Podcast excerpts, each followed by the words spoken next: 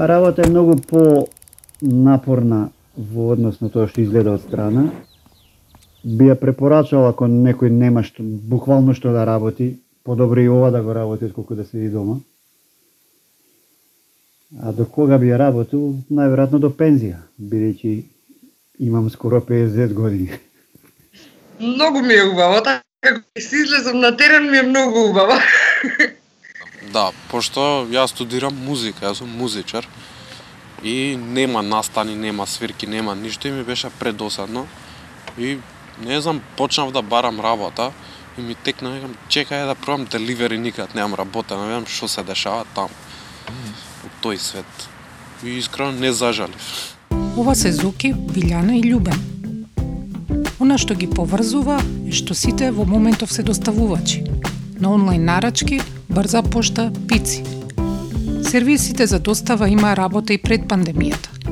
Седиш дома под пижами, те мрзи да излезеш по храна, а и зошто, кога храната може да стигне до тебе.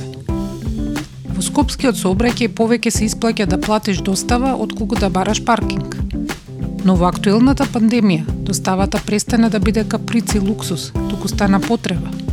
Доставувачите знаат и буквално да им го спасат животот на оние во изолација, кои не смеат да излезат од дома.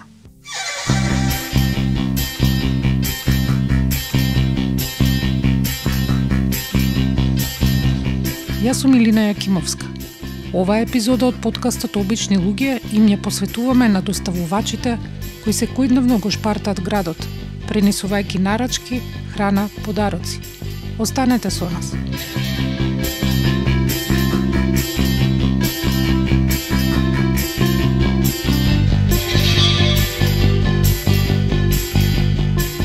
Зоран доставува производи кои се продаваат онлайн.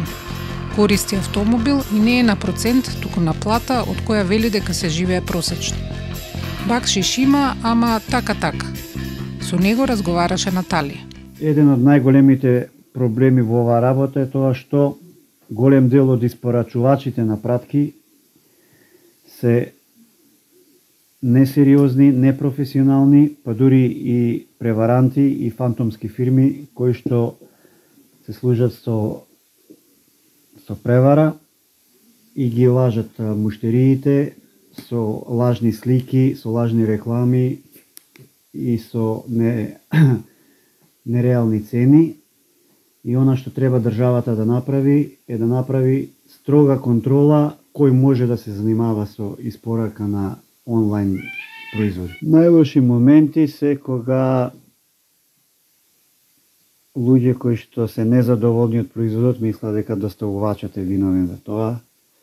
Кога нема доверба во доставувачот и мислат дека им подметнува лош производ, одбива да примат производ заради тоа што не им е испорачено тоа што го нарачале. А караница?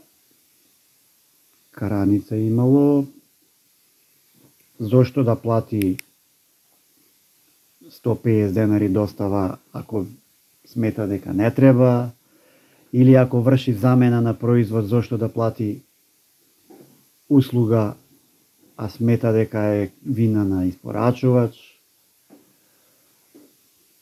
или зошто сум му доцнел со испораката, или зошто е оштетен производот, разни типови на храните.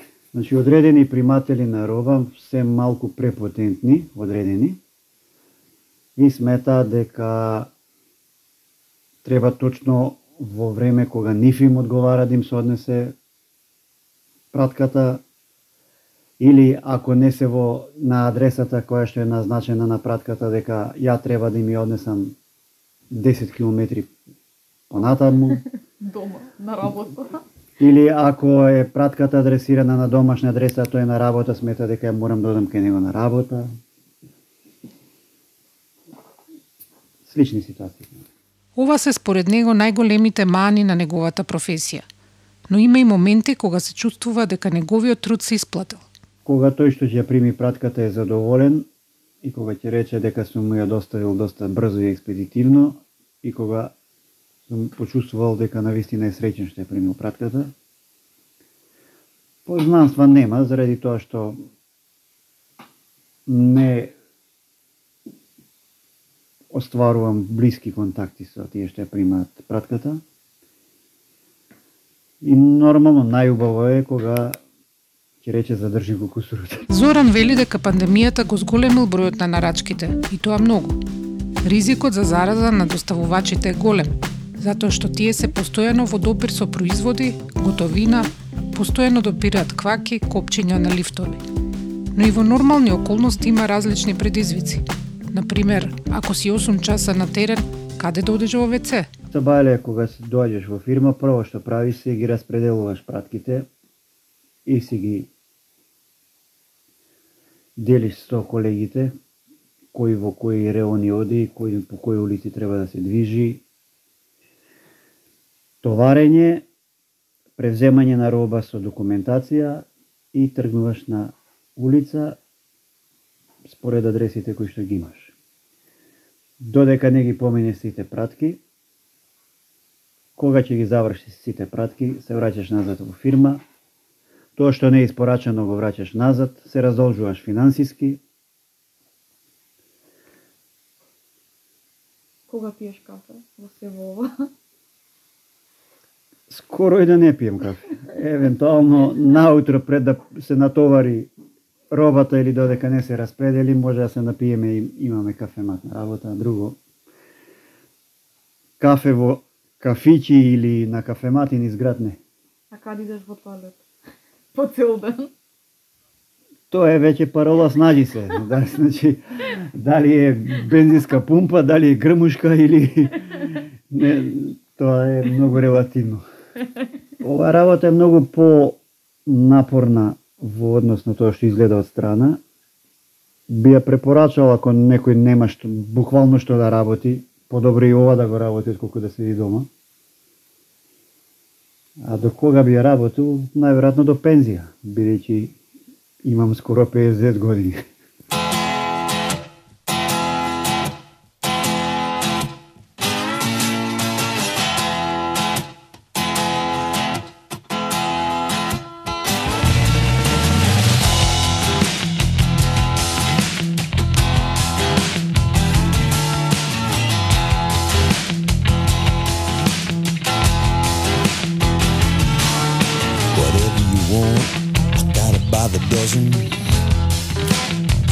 By the pound. Give me a thought.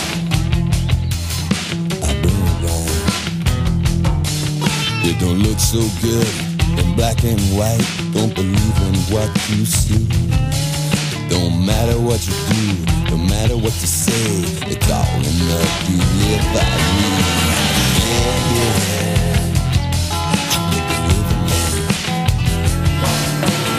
Yeah, yeah.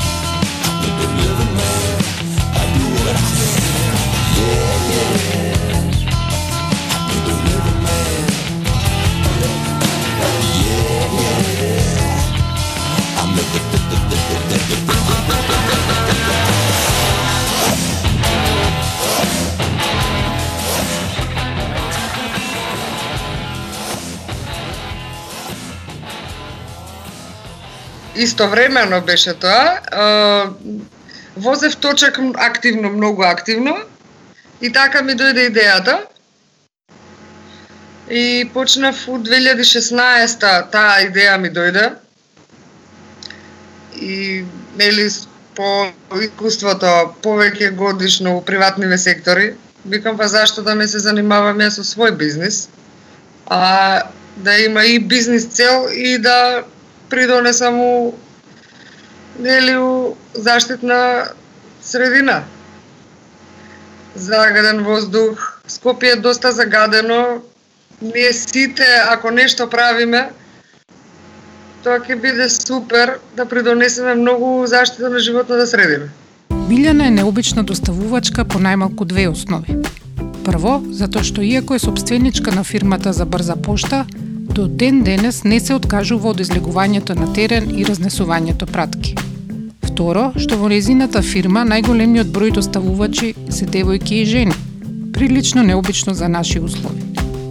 Незиниот став во однос на доставувачката работа е сосема спротивен од оној на Зоки. Весел и оптимистичен. Просто да посакате да работите за неа. Тоа е секојдневие кај нас. А, мислам дека тоа е заслуга на на доставувачите, затоа што се они фини, комуникативни и така така ја тераме целата приказна на фирмата.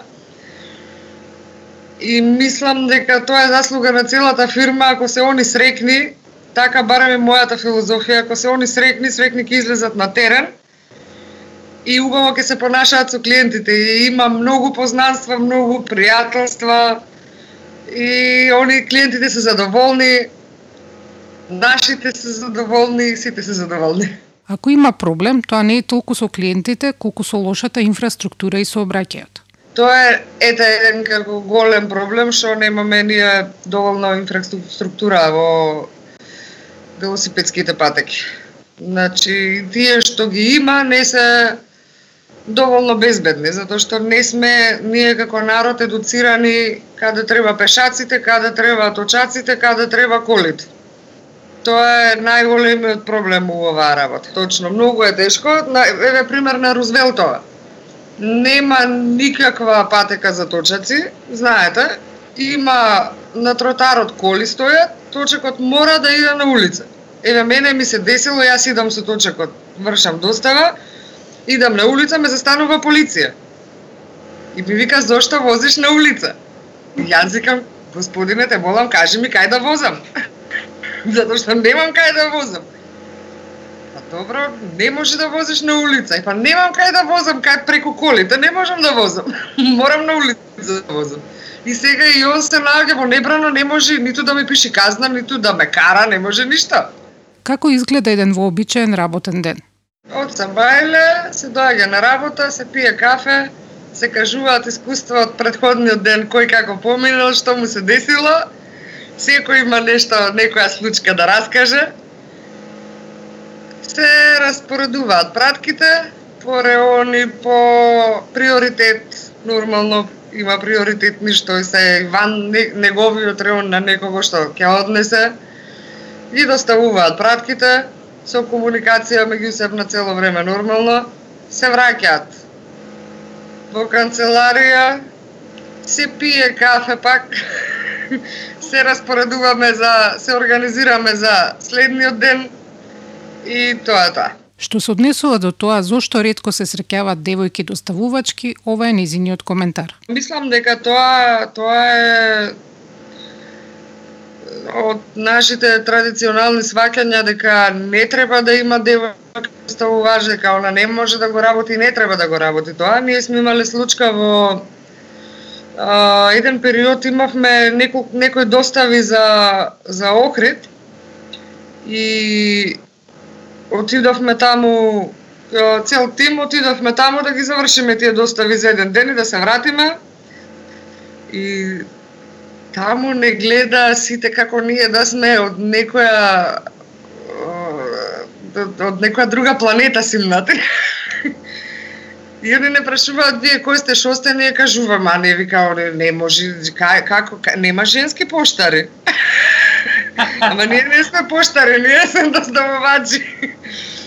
И на нив им беше баш чудно. И мислам дека тоа е тие традиционални сваќања дека едноставно девојче не сме и не треба да биде доставувач. Ама еве, со нашата теорија и практика Се надевам и другиве фирми ќе почнат да го практикуваат тоа, да ги разбиеме тие стереотипи наши.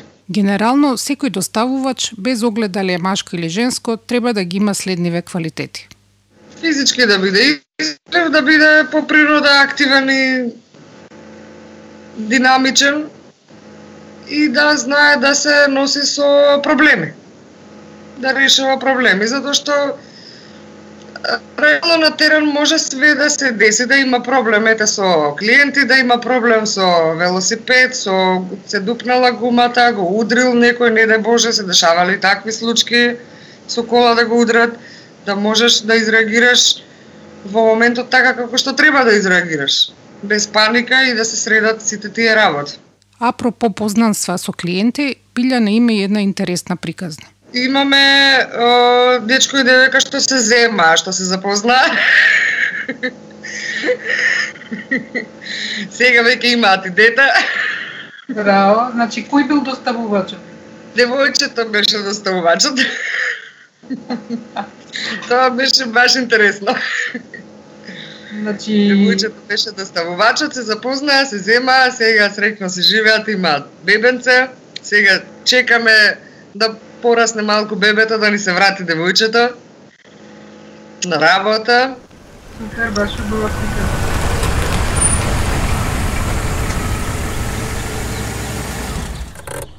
Љубен работи само неколку месеци на достава на пици.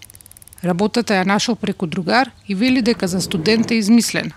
Си седиш во кола, си слушаш музика, се движиш низ град цел ден. Подобро отколку работа на шанк или пред компјутер. А има интересни дешавки. Со него разговараа Андреј и Ангела. Па, најлошо ни е за викенд, пошто премногу полиција има и секат не застануваат, пошто сакаат да јадат пица. Да? Да, Шо вика? па ништо ќе не застанат и ќе почнат, сега ќе најдат нешто за да се фатат. Пример, не знам, не работела си личката, а колата немала полномошна, а не знам. Не сум дал жмигавец, сум свртал полукружно и нормално тоа се глупости, што значи дека сакаат да јадат пица. Аха. И те застанува и шо вика?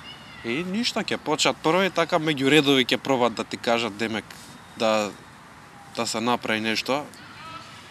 И ќе им кажам да ве почастиме пица сакате ли? Одма сакам. Да. А ти ја носиш таа пица за достава некој? Па да, ќе ми кажат пример ќе остават бројче и ќе кажат таму и таму сме или си има десено и да дојдат да ги земат. Се случувало нарачката да се врати или луѓето да не сакаат да ја платат затоа што задоцнила. Бакшиш најмногу се остава на почеток на месец или ако пицеријата има некаква промоција. Се случува да остане и цела дневница од 700 денари. За наоѓање адреси се користи Google Maps и апликацијата Osmand. Караници со муштери имало, да. Се дешава, значи. Се дешава и тоа. Че, прв... Па, за, зашо чекале, пример, многу, ако гужва, ќе ти се јави, сите гладни, нели, нервозни, ќе ти се јави, да, кај си, шо правиш?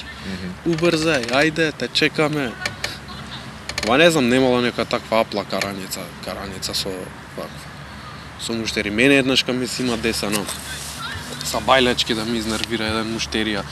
Ми на, нарача пица и му ја носев. И му се да прашам кај е поточна локацијата, пошто не ми ја даваше на мапа. И човеков почна ми се дере по телефон, чекале саат време, не знам што. Среќа водиме евиденција кога е нарачана. И уствари чекале само пола саат. И шо, како испадна случка? Ништо искочи, човеков му ја дадов, не ми кажа ни збор. Ја дадов пицата, ми даде, пари си отидов. После тоа цел ден нервоза ме биеше. Се случуваат изненадувања. Оној кој нарачува да му е всушност познат. Ми си има десен од бивши да ми нарачуваат.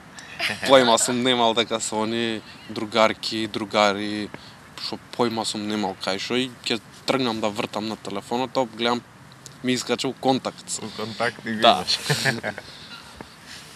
и како е приемот?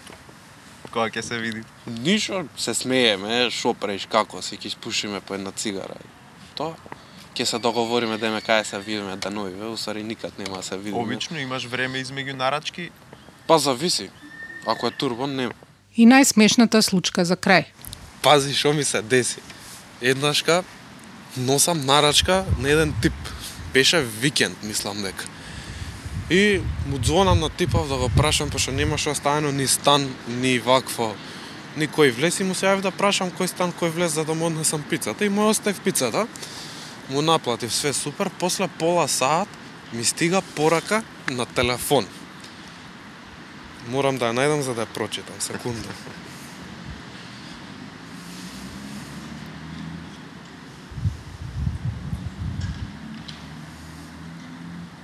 Yeah. Прво ми стигна порака, остани молим те кога ќе си одат бар на пола саат, ја ќе те однесам дома после.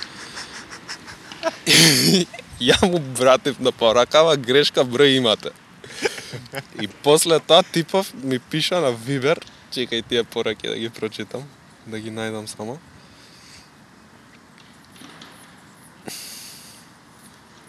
Еве ги. Ми прати кул cool стикерче и фати такси.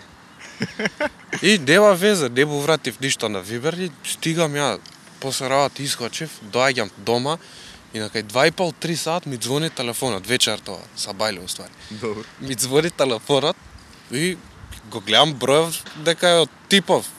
И му спуштам еднашка, ми звони пак.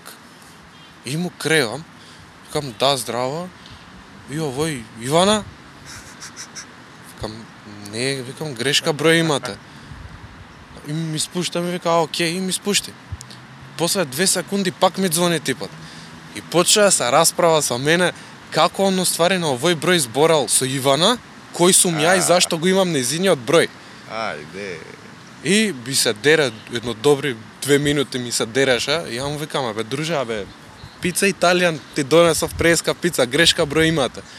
И се изнасмеа типот, изведи, изведи, тоа.